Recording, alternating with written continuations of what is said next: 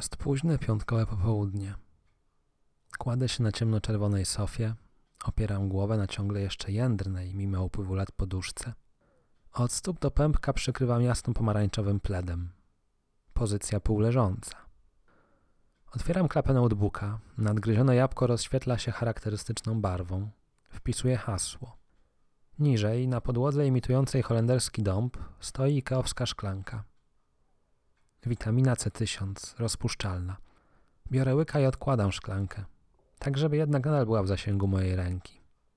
20 po czwartej. Gdy kwadrans temu zaczynałem pisać te słowa, było po czwartej pięć.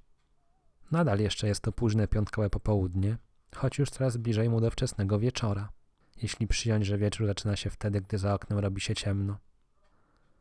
Szukam dzisiaj odmienności, dlatego położyłem się po przyjściu do domu, zamiast zabrać się za realizację prywatnej checklisty. Dlatego piszę prostymi słowami i prostymi zdaniami, zamiast tworzyć z nich rytm, nawet jeśli słyszalny tylko w mojej głowie. Dlatego kupiłem w kiosku nowe wydanie teraz Roka, mimo że wiem, że nie przeczytam go w całości. Liznę tylko troszkę, pod jasno-pomarańczowym pledem, na ciemno-czerwonej sofie. Zamiast treningu potu spięć brzucha i kurczaka z ryżem. Bo szukam odmienności. Bo czuję się gorzej i staram się słuchać organizmu. Od jakiegoś czasu. Bo nie chcę rutyny, mimo że przynosi efekty.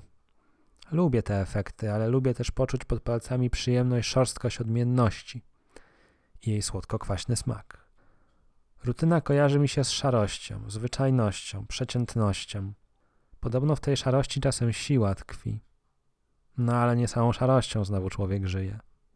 Myślę, że jest we mnie jakaś cząstka artystki. Taka malutka, tyci tyci, namiastka.